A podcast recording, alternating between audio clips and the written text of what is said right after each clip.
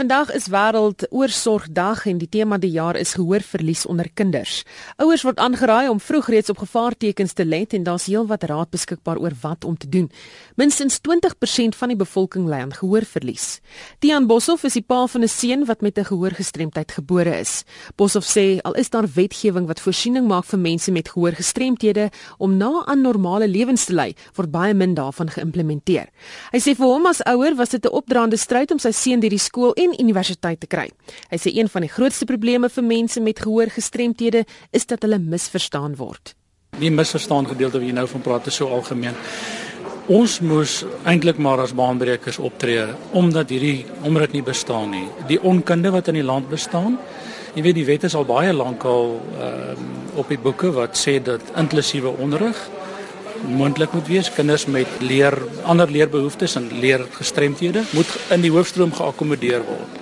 Ek het letterlik 'n 7 jaar periode my lewe op halt moes sit. Ek het betrokke geraak. Ek was 7 jaar amper werkloos. Ek van tyd tot tyd maar 'n jobie gehad om te doen, maar ek het daarop gefokus om saam met Philip deur hierdie proses te gaan. Ek het betrokke geraak by FETSAS. Ek was later op provinsiale en nasionale bestuur met die doel om te kyk hoe kan 'n mens by skole bewustheid kweek en vir die personeel leer dat dit niks addisioneel verg nie. Dit wat vir Philip moes gedoen word, het al die kinders in die klas gebaar.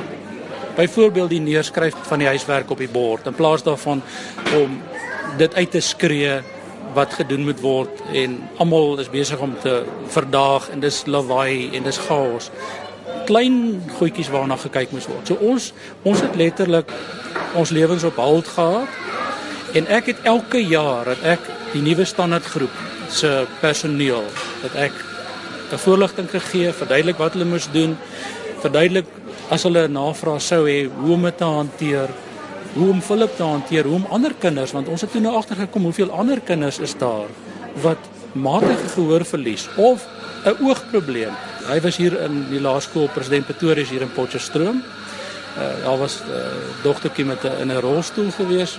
Interessant genoeg, as gevolg van hierdie betrokkeheid en bewusmaking was Potchefstroom President Pretoria soos die eerste skool in die Noordwes wat gestremd gereed was wat die toilette aanbetref, wat die toegang aanbetref, wat die personeel se bewustheid ook aanbetref. So hy's deur die laerskool absoluut aanvaar, nooit as 'n freak gesien nie.